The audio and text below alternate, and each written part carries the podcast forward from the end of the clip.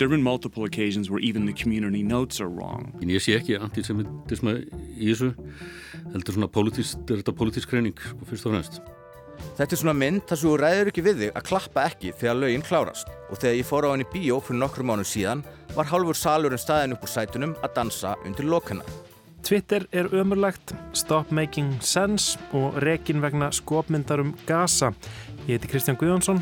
Og ég heiti Lofabjörg Björnstóttir og þetta er lastinn 17. oktober.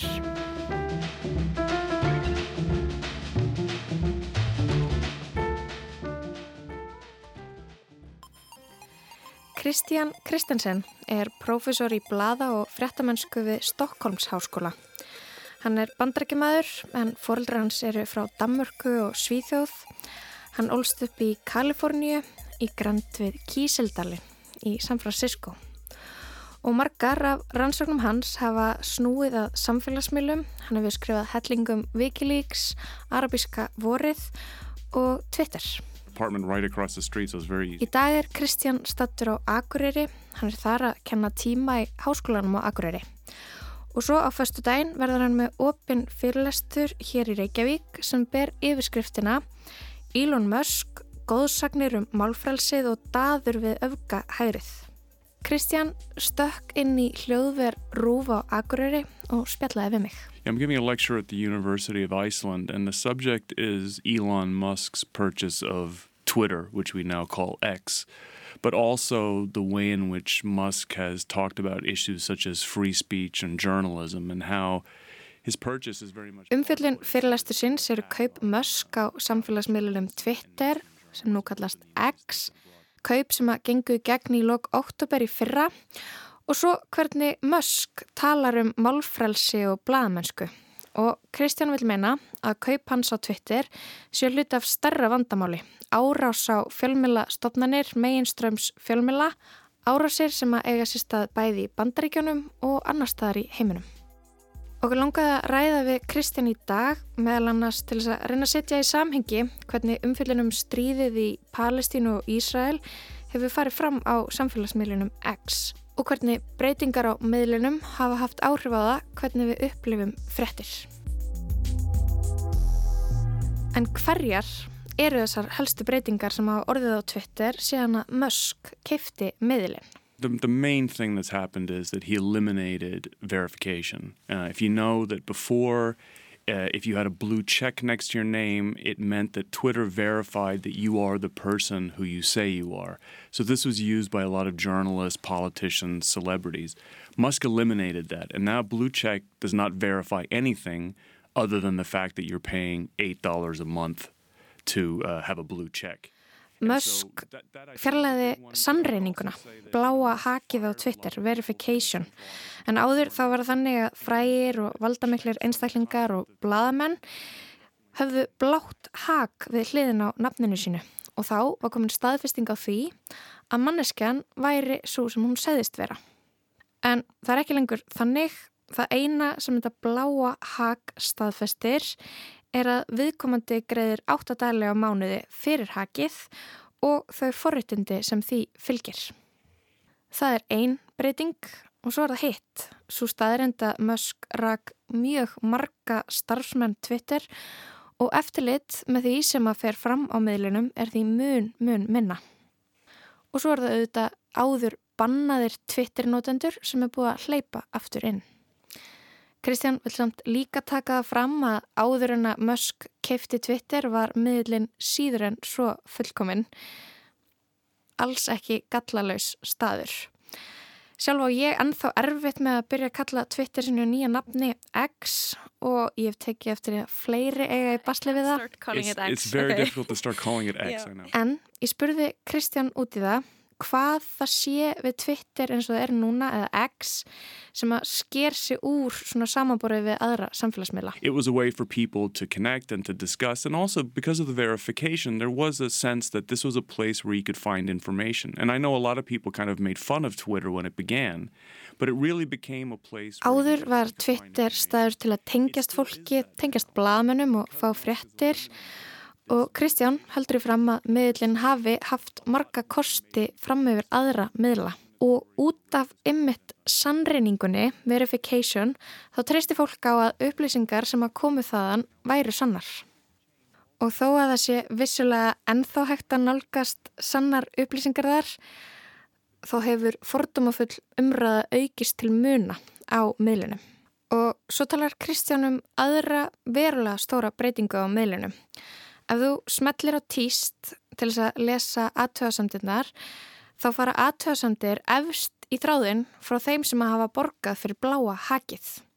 Mösk er búin að búa til kerfi þar sem að þú borgar fyrir að röttið þín heyrist herra en annara og er það þá ekki þver öfugt við málfrælsi sem að Musk emitt laði svo ríka áherslu á við kaup á miðlum.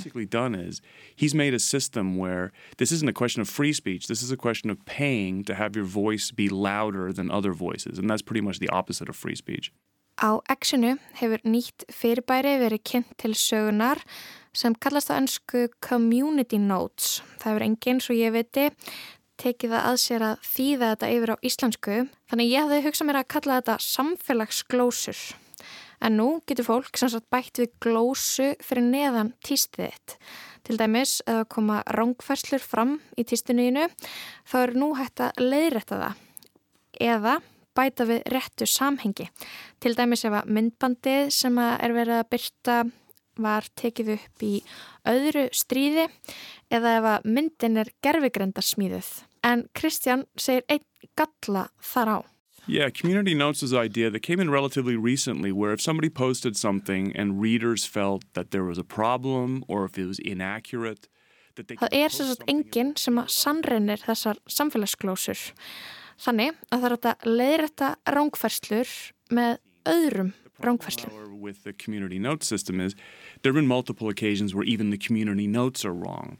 Ég hlustaði á hlaðvarpsþátt í gær, þætti sem að heita Offline með John Favreau. Þeir eru gefnir út af Crooked Media og þeir fjalla oftast um samfélagsmiðla og netið. Og í gær rættu þáttastjórnendunir John og Max Fisher um það hvernig X hefði áhrif á það hvernig við tölum um stríðið í Ísrael og Palestínu. Hvernig fólk upplifir pressu að tjá sig, hvernig auka skoðanir eru mest ábyrrandi og hvernig samfélagsmiðlar gerðu þeim það óklift að fylgjast með átökum Ísrael og Palestínu. Og þar helt annar þeirra því fram, Max, sem er sérfræðingur í samfélagsmiðlum og átökum og eru höfundur bókarinnar The Chaos Machine sem að fjallar einmitt um það hvernig samfélagsmiðlar breyttu hugmyndum okkar um heiminn og heiminum. Max heldur í fram að á X-nu sé fréttum frá fjölmjölum, fréttum frá viðurkendum fjölmjölastofnunum ítt niður á fítinu á vegnuðinum og öðru efni, efni sem að kannski þykist vera fréttir en eru jáfnvel bara rángar og villandi upplýsingar, þeim er ítt upp. Og ég spurði Kristján hvort hann vissi eitthvað um hvort að þetta gæti verið satt. I mean, there's very little transparency in how Twitter operates, so it is difficult to know exactly what's going on. I think one of the things that's worth worth noting is that Musk has been very, very aggressive in his criticism of established mainstream media, and obviously one of his big hopes has been. Það er ekki mikið gaggsægi í því hvernig X er stilt og stýrst, segir Kristján, En það má í þessu samhengi líta til þess hvernig Musk talar um svona fjölmjöla. Hann hefur verið mjög óvægin í gaggrinni sinni á ofinbæra fjölmjöla, stóru mainströms fjölmjölana og líkir þeim við áróðursrið. Og Twitter munir koma til með að taka við af stóru miðstýrðu fjölmjölunum. We have 800 followers or 1000 followers who are paying money. Their voices are amplified. Og nú er það þannig að bara einhver manneskja með 800 fylgjendur sem er búin að borga fyrir blátt hag, týst þessari mannesku berast kannski lengra heldur en týst stóra fjölmjöla og það er ómögulegt að vita hversu mikið gerist af því að útbreysla stóru meðluna sé heft á Twitter, á X. Rúf er til dæmis farið af X-inu og sænska ríkisúttorpi líka Margir fjölmiðlar vilja ekki lengur láta bendla sig við hennan miðil. Miðil sem er svona ofinbarlega andvígur frjálsri fjölmiðlun. That fits very much in his, his strategy about painting all mainstream media outlets as problematic. En hvað gerist ef að allir stóru fjölmiðlarnir yfirgefa X-ið? Yes, yes. Of course, that's what happens. Is that you know, as as out, outlets are still on X. I mean, they're they're there. I mean, all New York Times or I mean, major The Guardian. They're still there. But of course, as they become de-amplified, or as they might even leave in time, of course, then the question becomes. Auðvitað er hann þá mikill fjöldi fjölmjöla sem að byrtir fréttina sínar á X en haldi Musk áfram að lækka í þeim rómin og þeir fara í auknum mæli að láta sig hverfa þá tilur Kristján að það geti þýtt dauða X-ins. Jafnvel þeir sem að gaggrina meginströms fjölmjöla hvað mest hefðu þá ekkert lengur til þess að gaggrina, ekkert til þess að skoða og ræða eftir er þið bara hópur af sammála fólki. Þetta er vist vettfangur sem að þrýfst á átökum og rifrildum og hverfi þau geti miðlinn dáið. En ég spurði Kristján hvort hann kemi auga á áhrif þessara breytinga á exinu á það hvernig við fylgjumst með og fáum fréttir af stríðinu í Ísrael og Palestínu. Yes, I think I, when I compare the way Twitter X was, like I said, five years ago or three years ago, when there was a major international event, for all of the problems that Twitter has, and as I said, Twitter is far from perfect. There was a lot of disinformation, but there was still this fact that there were verified users from news organizations or academics who knew what they were talking about or people who worked at NGOs. And if you followed them, you knew you could see or find information. Those people are still there. But what's happened is, as verification has disappeared, what you're seeing is people being amplified who aren't necessarily providing accurate or honest information. So, the war in Ukraine, what's going on in Israel and Gaza right now, I think there's a very clear qualitative difference between what we're seeing now and what we would see had this happened five years ago. And that is the ability of ordinary people to get reliable information. Kristján talar um að bera saman exið í dag við Twitter fyrir þremur árum og fimm árum Þegar það voru átök í heiminum þá var auðvitað hægt að finna rángvarslur og falsfrettir en það var líka hægt að finna staðfesta, sannreinda aðganga. Og ef þú fylgdir þeim þá vissuru að þú varst að fá eitthvað sem hafði verið staðfest. En það er orðið mun erfiðara fyrir venjulega notendur að komast að því hvort það sem þeir sjá sé satt og rétt eða ekki. Það er orðið miklu erfiðara að vita hverjum þú getur treyst og það er mikil dreifing á rungum upplýsingum. Vissulega hefur það átt sér stað áður en nú fer lítil vinna í það hjá X í að eigða rungum upplýsingum. Og þess vegna leikur mikil ábyrð hjá hennum venjulega notanda að fara í það að greina sannleikskildi frétta á X-inu. En hver er lausnin? Á fólk bara að eigða X-inu sínu? Nei, segir Kristján, hann hefur að minnstakosti ekki gert það og það hef ég svo sem ekki heldur þó að mér finnst það líka sífælt verri og verri staður til þess að vera á og leita upplýsingum en rétt eins og hann sagði áðan þegar við veltum því fyrir okkur hver framtíð X er því ef að ofinberir fjölmilar, mainströms fjölmilar hverfa af meðlinum þá er spurning hversu lengi hann lifir áfram. Svona miðl virkar einfallega ekki ef að allir sem eru inn á honum eru sammála. Þó að nýjir miðlar séu komnir uh, sem að þó að séu komnir nýjir staðir sem að hafa það að hafa það yfirlistu markmiði að taka við af Twitter er ennþá ekki komin og stór hópur fólks þangað inn. Exið er ennþá eini staðurinn þar sem er hægt að ná til virkilega stórs hóps fólks. En þá eini staðurinn þar sem hægt er að ná til virkilega stórs hóps fólks.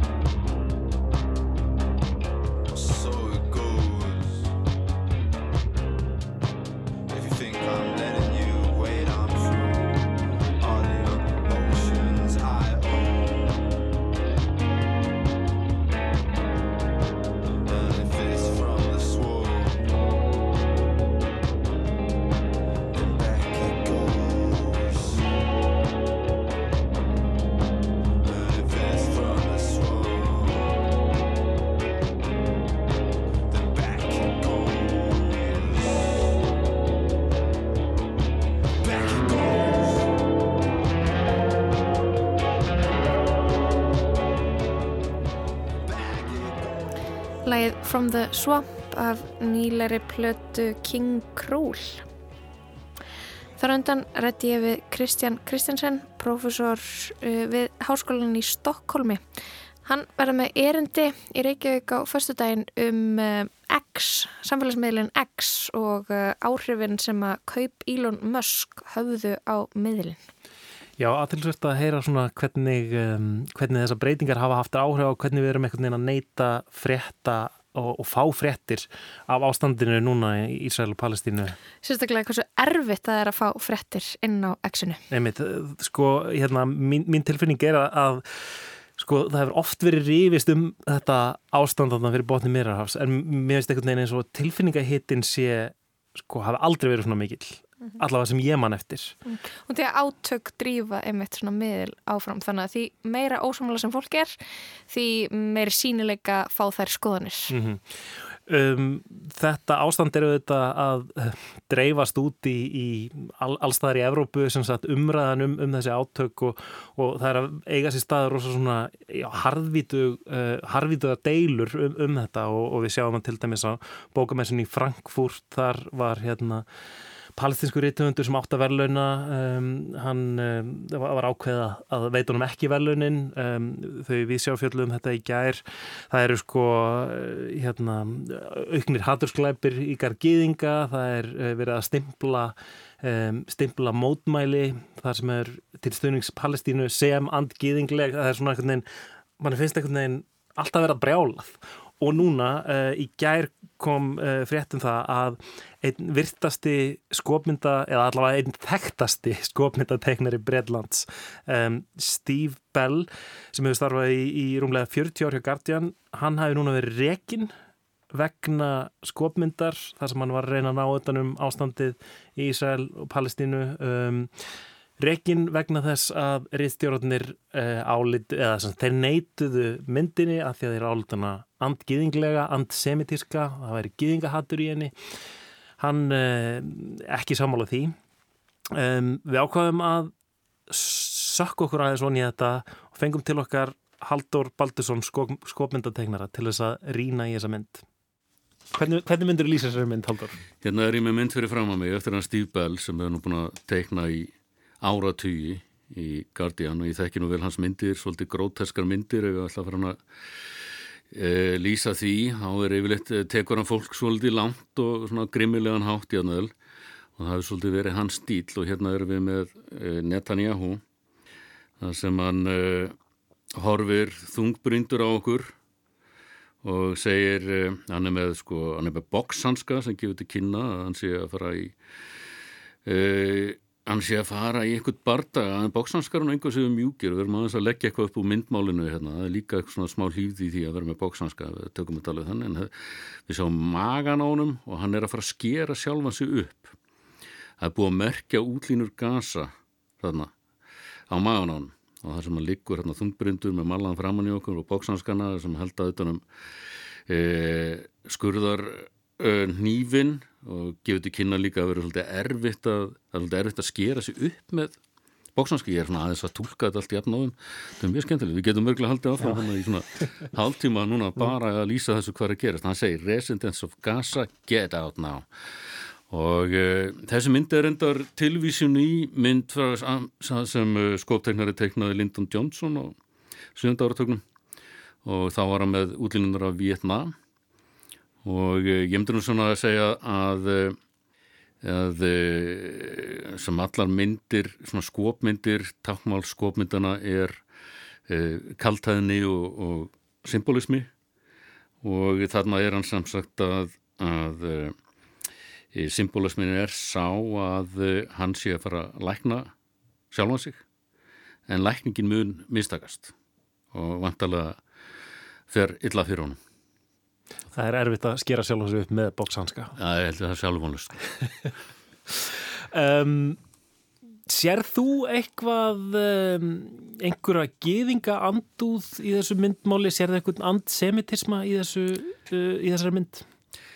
Uh, ég ætla að segja nei. Uh, það er ekki, það er ekki, við erum ekki með dagistjórnuna eða, hérna, eða svona einhverju augljós geðingatákn. Heldur er þetta, myndi ég nú segja, svona greining á ástandinu sem er hann mér finnst hann að svolítið vera bara að horfa yfir svið e, og hans e, greiningin á myndinu myndi verið þá ótt að, að þessi það sem hann er að stríðir sem hann er að fara út í til þess að e, má alveg halda fram að sé rétt mætt til þess að verjast þessum hörmulugu atbyrðum og þessu, þessum hreyðverkum og ég ætla að maður myndi ekki segja að hann hef ekki rétt á því en afleggingan gætu verið mjög slæmar fyrir hann og, og þá vantarlega Ísæl það sé, sé greiningin, ég sé ekki antisemitisma í þessu heldur svona politísk, er þetta politísk greining sko, fyrst og fremst And because it's comic, you're using humour. I mean, humour is not always funny, and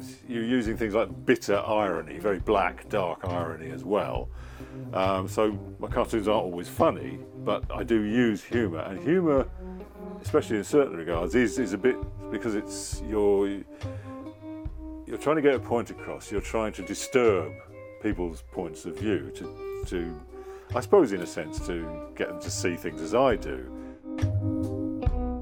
Steve Bell, getur þú sagt mér frá honum þetta er einhver svona bara þekktasti skopmyndateiknar í Breitlands? Já, líklega er á það, hann er búin að teikna í áratöyu í Guardian og uh, alltaf verið dáliti óþekkur, alltaf verið svolítið gróteskur. Uh, hann er svona uh, ég hugsa að einhverju leiti sé, sé viðbyrjum þessu mynd, sko, þessari mynd uppsöfnuð. Þannig að hann er strókið ímsum öfugt, hann er sennilega svona meira til vinstri í pólitíkinni. Hann er svolítið pöngari sko, hann er að vísu svona aðeins kynnslónu undan því, svona 68 kynnslóðin eða sko, svona svolítið hippi með pöngarablóð og svona er skýtsamum allt og þessi, þessi stemning kannski fyrir hans myndum að má alveg ímda sér að að með tímanum sé kannski minni og minni stemning fyrir svona grótisk, gróteskum skopmyndum svo maður segja.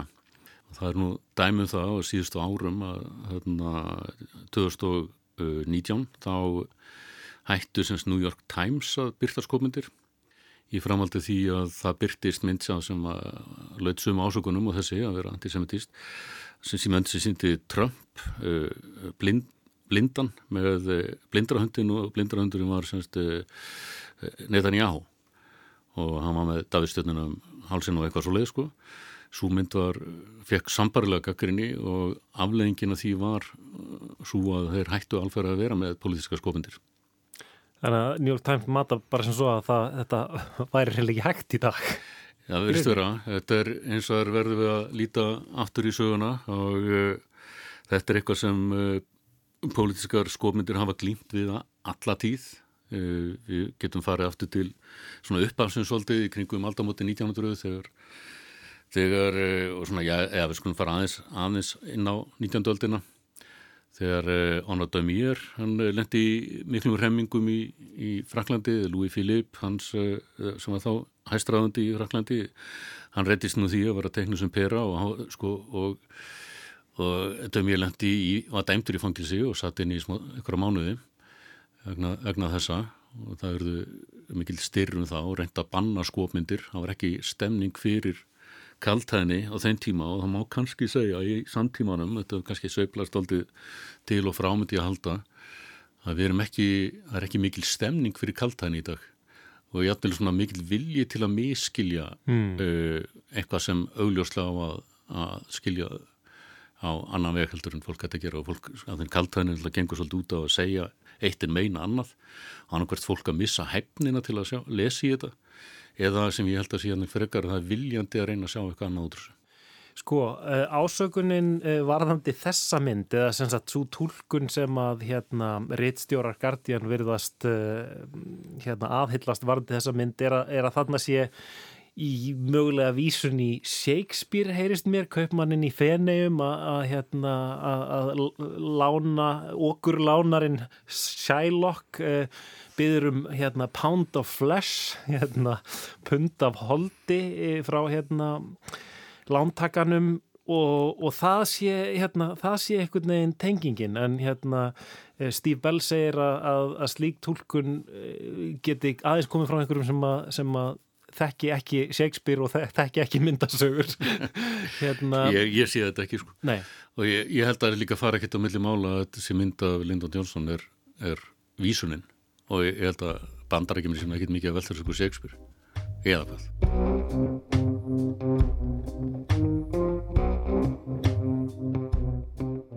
En hérna sko að, að því að núna e, segir Steve Bell ég er ekki að, að reyna að vera með neina, neina antisemitisma og hann hefur greinlega reyndar verið sakaður um það áður í myndum sem hann hefur teiknað sem tengjast Ísrael-Palestínu deilinni uh, er alltaf bara ein leið til þess að er alltaf ein rétt tólkun á, á svona skopmyndum?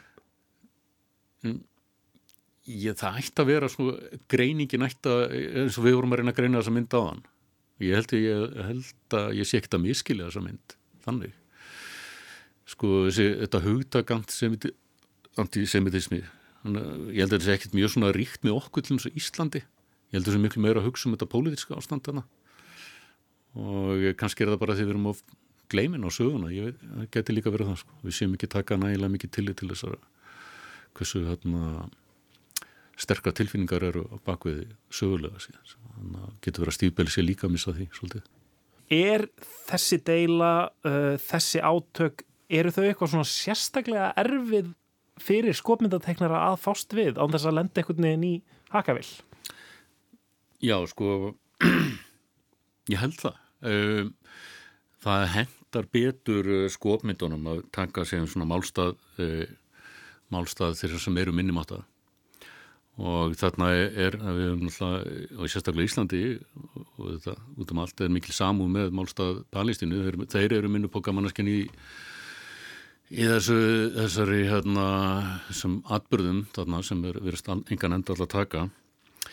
En e, svo fáum við þetta í andleiti þess að þessi eru nú óafsakanlegu hriðverk ég sjálfur tók á þessu eitthvað svona miðaldahátt, bara svona ég sé fyrir mig bara svona miðaldastrið, það sem grimdin var umfram það sem við við uh, yfirleitt sættum okkur við í dag, þannig er eitthvað svona viðsnúningur í hverja tíma sem við, hérna, maður heldur að séu kannski, það ættum að geta skilið eftir. Svo er þetta stríð svo flókið, veist, það er svo margt hérna og þessi svona, svona mörg sjónamið sem eru hérna, til dæmis hjá palestínumönnum þeir kjósa hérna á, vest, á Vesturbakkanum er ekki sama harkan. Gaza er með Hamas til þess að leiða þetta og, og, og dítjaismin er hérna líka og við e, þetta, þetta er erfitt mál að færa inn og þá ertu komin aftur að þessum skopmyndum þetta hérna, sem má ekki gleyma því hérna, atbyrðinir í kringum Ílandsposten og, og hvernig viðbyrjum voru við þeimindum á sínum tíma. Þannig að það virðist vera að sé mikil viðkvæmni akkurat í þessum slóðum gagvar skopmyndum. Mm -hmm. myndin hefur, svona myndmáli hefur Eh, eitthvað stert vægi mögulega, mm. sko, ég veit það ekki. Ég, ég veldi líka fyrir mér sko, uh, mann finnst einmitt að ítrekka að koma upp þessar ásakanir um, um giðingaanduð í skopmyndum auðvitað í, í, í mörgu öðru.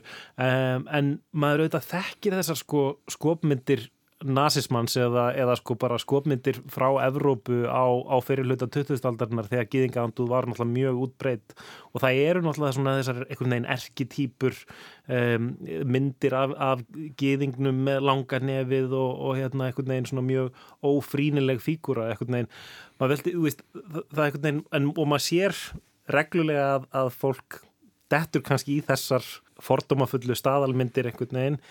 Maður lítur að þurfa að þekkja, hvað var að segja söguna, þekkja myndmál, tákmál eh, allra þessara átaka og allra þessara sögu til þess að hætta sér inn á þetta svæði. Akkurát og ég var með að hugsa til þessana myndar sem verðst að vísi í þennan sem eru eldast uh, mjög illa en uh, eru líka alveg svo skopmyndin hefur, skopmyndin hefur þann mátt að það er mjög auðvöld að horfa á myndir og, og tjúna aftur inn á sögun og jafnveg þær myndir, það eru góð ámenning um hvað var í gangi á þenn tíma.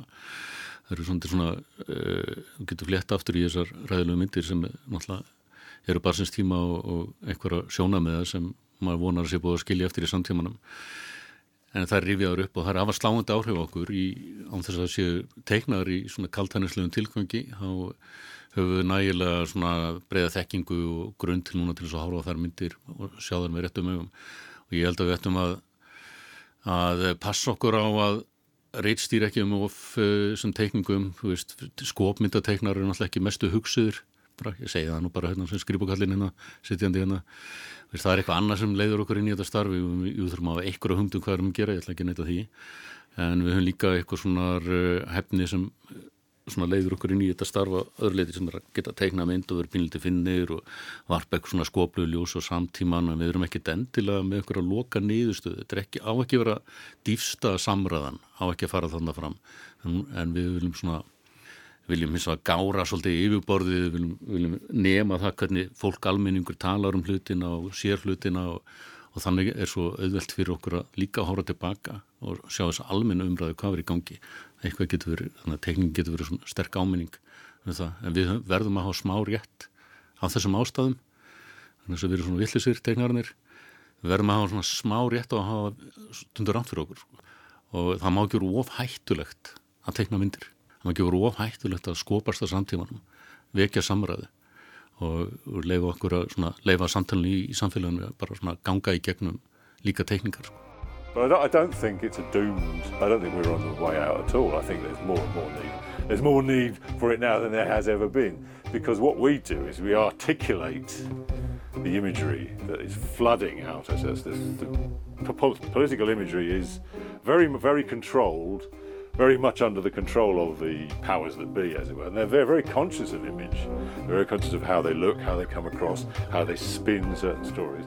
So it's very, very important that we get under that skin and start undoing what they're trying to do, just to show what's really going on. Ég held að flest okkar bara hafi einhvers konar romantarska sín um hvernig þessi mál gætu mögulega í fullkonum heimi leist. Það sem þess að tvær þjóður myndi einhvern veginn bara hérna, geta búið við það að búa saman í þessu landi sem er raunveruleikin en um, leiðin hanga er bara, þetta er ótrúlega flókimál og mm -hmm. ótrúlega flóki að greina þetta í ykkur svona skopmynd eða fá, fá svona að, að því að maður öll að skopmyndin hafi líka e, e, e, þá filosófíu að geta bætt heiminn, það er það sem hann dreymir um. Ég veit ekki alveg hvernig ég á að gera það eða tekna myndum þetta Steve Bell verðist vera svona, já, hann, er pólitískur, þú sagðir hann sé líklega svolítið vinstir sennaður, uh, verðist bara svona, og, og, og eflaust eru, um, skopindateknarar hafa eflaust skoðanir á eins og þessum málum. Er mikilvægt að þeir einhvern veginn séu síni einhvers konar hlutleysi eða beini spjótum í báðar áttir í, í svona átökum? Nei, veistu flesti skopmyndategnar eru með sína skoðanir og byggja þá eitthvað svona siðfriskend e, það er mikilvægt eins og það er að teiknarar séu ekki allir sumu skoðanir.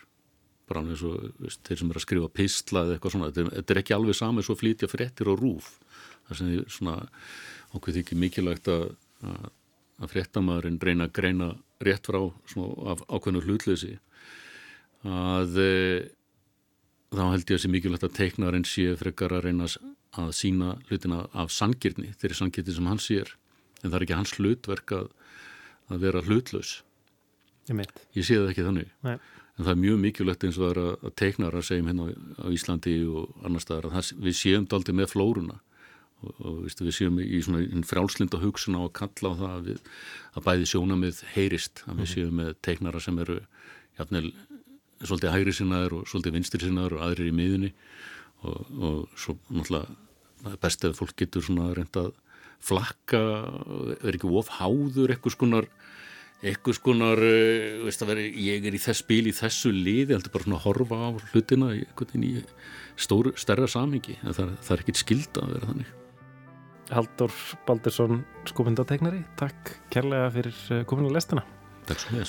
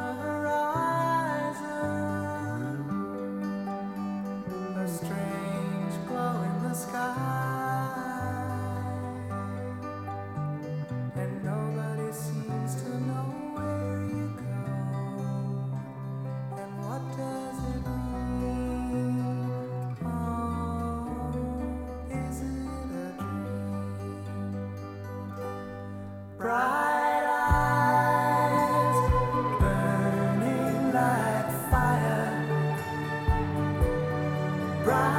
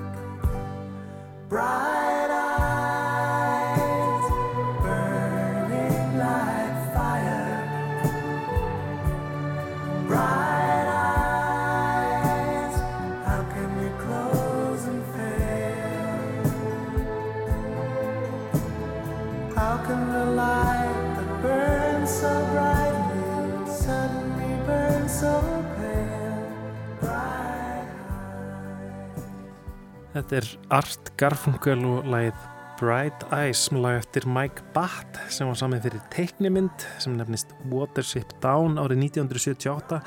Ég heyrði þetta lag í fyrsta skipti núna e, í nýjustu sériu af Black Mirror í held ég bara uppbólstættinu mínum eh, í þeirri sériu þáttur sem heitir Demon 79 þáttur sem fjallar um djöfulgang og einhvers konar heimsendi og einhvern veginn núna bara tengi ég þetta lag við heimsendi. Og það er kannski svona svolítið eitthvað svona heimsenda ástand nákvæmlega núna. Um, eins og Haldur Baldursson viðmannandi minn e, síndi heimitt í skoptekningu sem átt að ná þetta um ástandi núna á dögunum þar sem einhvern veginn hauskúpur e, og, og beinagrindur dönsuðu í einhverjum svona suðupotti átaka og hryllings um, já, mm -hmm. sem átt að tólka ástandi fyrir botni meðarhafs Ég veit um að fara yfir í allt annað, við ætlum að fara yfir í tónlist og tónlistarkveikmyndir. Í desember 1983 held hljómsveitin Talking Heads tónleika í Hollywoods Pantages Theatre. Tónleikarnir voru teknir upp og gefnir út sem tónleika kveikmynd Stop Making Sense. Myndinni var leikstýrt af Jonathan Demme sem átti síðar eftir að gera The Silence of the Lambs og Philadelphia en myndin er talin sem einn allra besta tónleikamynd sögunars og í tilvægna því að 40 ári eru liðin frá tónleikonum verður ný uppgerð útgafa af myndinni sínt í Bíóparadís í vikunni.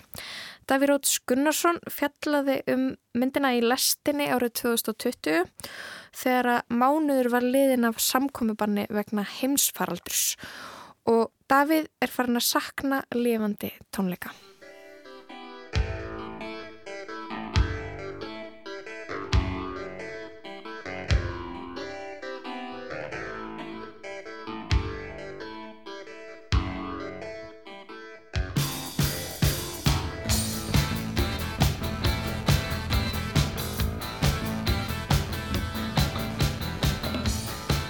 Það er liðin meira en mánuður af samkominnbanni og taugar eru orðan nokkuð út þandar. Maður saknar sunds, vina, fjölskyldu og ekki síst þess að vera einum annað ókunnugt fólk. Eitt af því sem ég sakna mest er að fara á tónleika. Ég sakna þess að svitna og hoppa og nuttast utan í og hæfæfa ókunnuga og samanast í tónlistinni.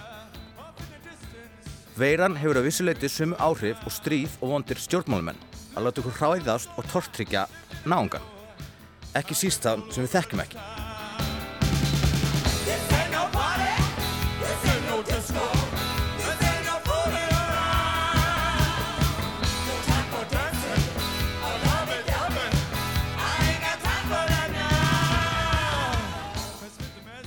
Tónleikar eru líklega eitt elsta listformið og hefur styrt innviðið samfélaga um mörg þúsund ár allt frá trúarsamkomum afríska ættbolka með trumbuslætti og kyrjandi gatalæknum. Í núverandi ástandi hefur mikið af tónlistamönnum tekið upp á því að streyma reglulega tónleikum úr stofunni sinni eða af einsöp sviðum en einhverju hluta vegna hef ég ekki alveg dottið inn í þá stemningu. Í fyrsta lagi er einfallega of mikið að drasli í gangi. Hver einasti þriðja flokks og þryggjagripa trúbador á landinu verðist halda að nú sé hans tækifæri til að láta ljósitt skína. Fólk sættir sig við hvað sem er í menningarskortinu. En þó svo listamenninu séu góðir, þá finnst mér svona kassagítas eða piano setup í stofunni vera eitthvað flatt og óspennandi og stemningin oft þvinguð. Og þó hljómsveitin eða tónlistamenninni séu á alvöru sviði, þá sést alltaf að orkustíð er ekki það sama. Tónleikar eru nefnilega í raun gagvirt listform þar sem hljómsveit og áhörundur hafa bæði áhrif á loka útkomuna. Sérstaklega sorglegt fannst mér að fylgjast með DJ Margeri og Óla Ófur spila fyrir tómum vöruskemmum og kannski 40 hræður að hlusta. Bara sorry, það er ekki hægt að fjár reyfa. Nálæðin og líkamsleikin er þar líkil atriði. Og ég hugsa stundum með mér til hvers að horfa á litlausan live fluttning þegar suma bestu tónleikaböndum sögunar hafi verið fest á filmu á toppi félagsins af frábórum kvikmyndagjörðumennum. Til dæmis 11.000 kliks tónleikar nýdesku sveitarannar Moloko frá 2004 eftir breska leikstjóran Dick Caruthers. Eða Shut Up and Play the Hits um góðsagnarkenda logotónleika LCD Sound System frá 2012. Eða síðasta valsinn, meistaraverks Martin Scorsese's frá 1978 um lokatónleika The Band þar sem Bob Dylan, Neil Young og fleiri góðsagnir koma við sögu. Blockparty þar sem Michelle Gondry fylgis með undibúningi og tónleikum sem Dave Chappelle heldur í Brooklyn með Mos Def, The Roots, Fugees, Common, Talib Kweli, Erika Badu og mörgum af bestu hip-hop listamönnum aldamótana er sumleðis æðisleg. En svo tónleikamind sem er líklega oftast nefnd sem svo besta er meistaraverkið Stop Making Sense frá 1984 þar sem leikstjóran Jonathan Demme og punkfengsveitin Talking Heads klófestu gigantískan galdur á filmu sem enn þann dag í dag hreyði við áhörfundum á bókstaflegan hátt því það er eiginlega ómögulegt að sitja kyrr undir áhörfunu.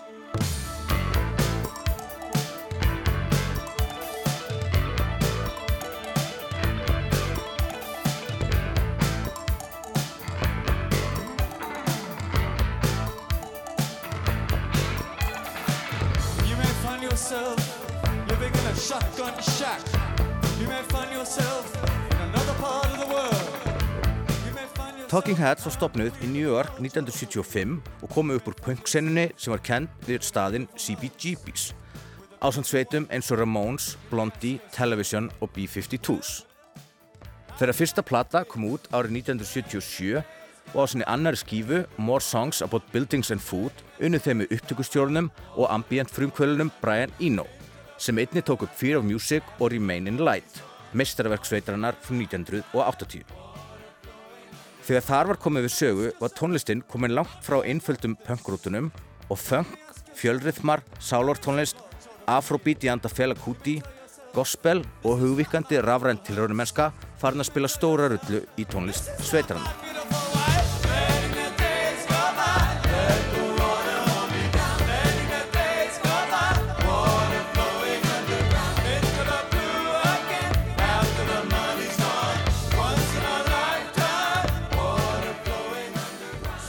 Stop Making Sense var tekinu upp á fjórum tónleikum í Pantages leikúsinu í Hollywood árið 1983 þegar Talking Heads túrið til að kynna útgáfu Speaking in Tongues þar að vinsalstu plötu ynga til. Leikstjórin var hinn bandaríski Jonathan Demme sem síðar átti eftir að vinna Óskarinn fyrir Lömpin Þagna og njóta vinsalda með myndum eins og Philadelphia og Rachel Getting Married. Hi, I got a tape I want to play.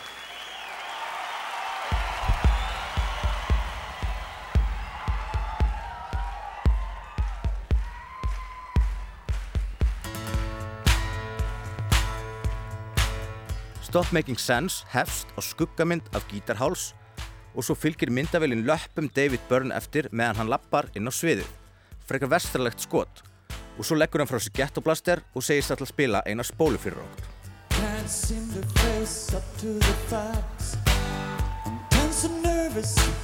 Can't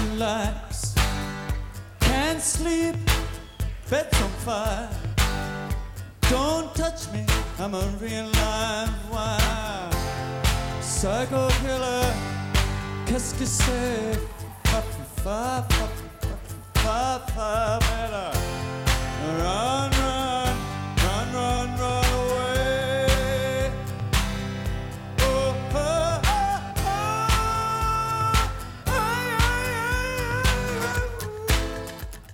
Um leiðu og nýtur á playtakkan byrjar að spilast taktur úr Roland TR 808 trommuheilanum af playbacki og leggjur þannig áherslu á gerfileika. Takturinn kemur auglustlega ekki úr kassutækinu. It's all for the show. Byrne tekur svo fyrsta slagar Talking Heads, Psycho Killer, aðleinn á risastóru og galtómu sviðinu en er aldrei á sama stað og rávar um sviðið og tekur svo eins konar hrasendi dans þegar kemur breyk í trómutöktinu. Eftir því sem líður á tónleikana bæta svo hægt og hægt við hljóðfari og leikmyndir, eins konar afbygging á ferlum. Í öðru lagi gengur bassaleikunan Tina Weymouth til Lisbeth Burr í hinnu gospelega Heaven og í þriðja lagi sjáum við yðnaðamenn rúla palli með trommarnum Chris Frantz inn á sviðið.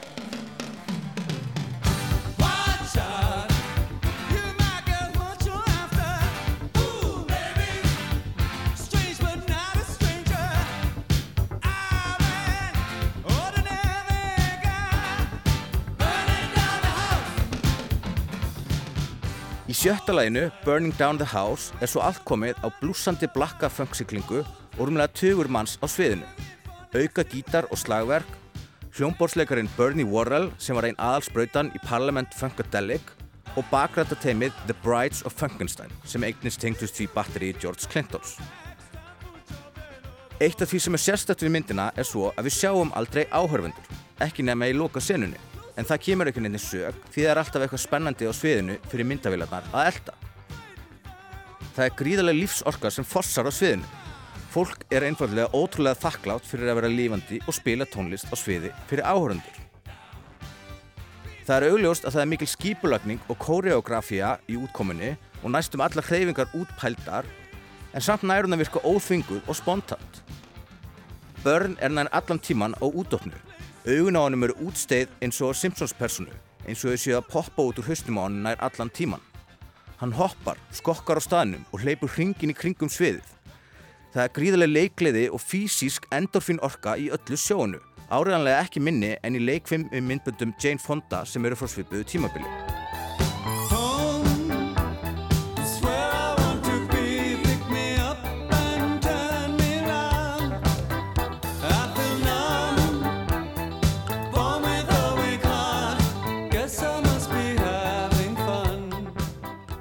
Skotin og kvikmyndagerðin er líka fyrsta flokks með fínu jafnvægi af víðum skotum og nærmyndum.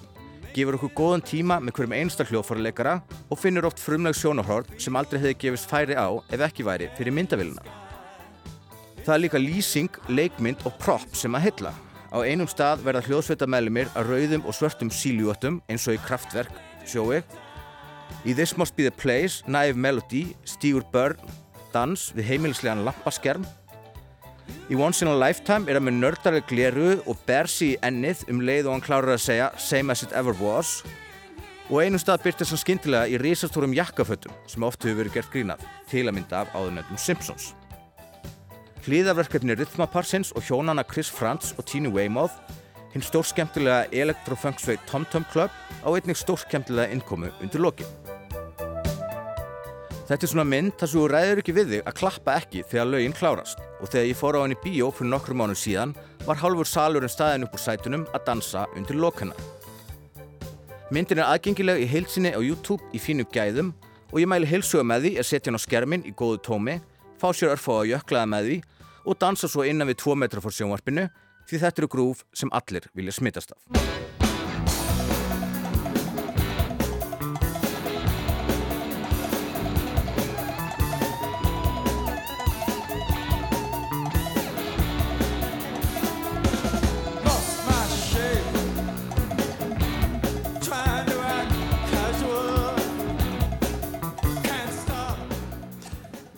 Við endum lestina í dag á læginu Cross-Eyed and Painless með Talking Heads úr um, tónleikamindinni Stop Making Sense sem að verður sínd í Bíóparadís í vikunni. Var Daví Róts Gunnarsson sem að fjallaði um þessa bestu tónleikamynd allara tíma að hans mati. Rúglega margir samanlega því. Um, lestina komin að leðalökum í dag uh, við Kristján og Lóa þökkum samvildina. Tæknumæður var Lítja Gretarstóttir. Tóngat í næst. Verðið sæl.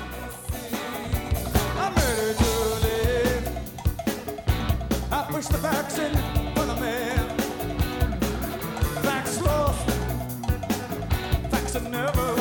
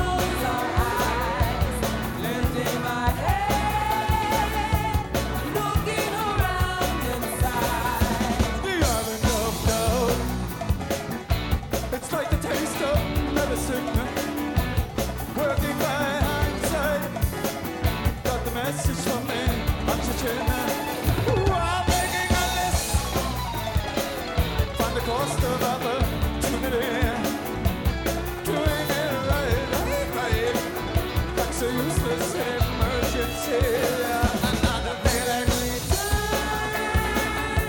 Whenever we close our eyes, it's my head, looking around inside. Facts are simple and facts are straight and facts are lazy and facts are late. Facts all come at points of view what I want them to. Max just twist the truth around. That's how I've been turned inside out. Max how I'm getting the best of them.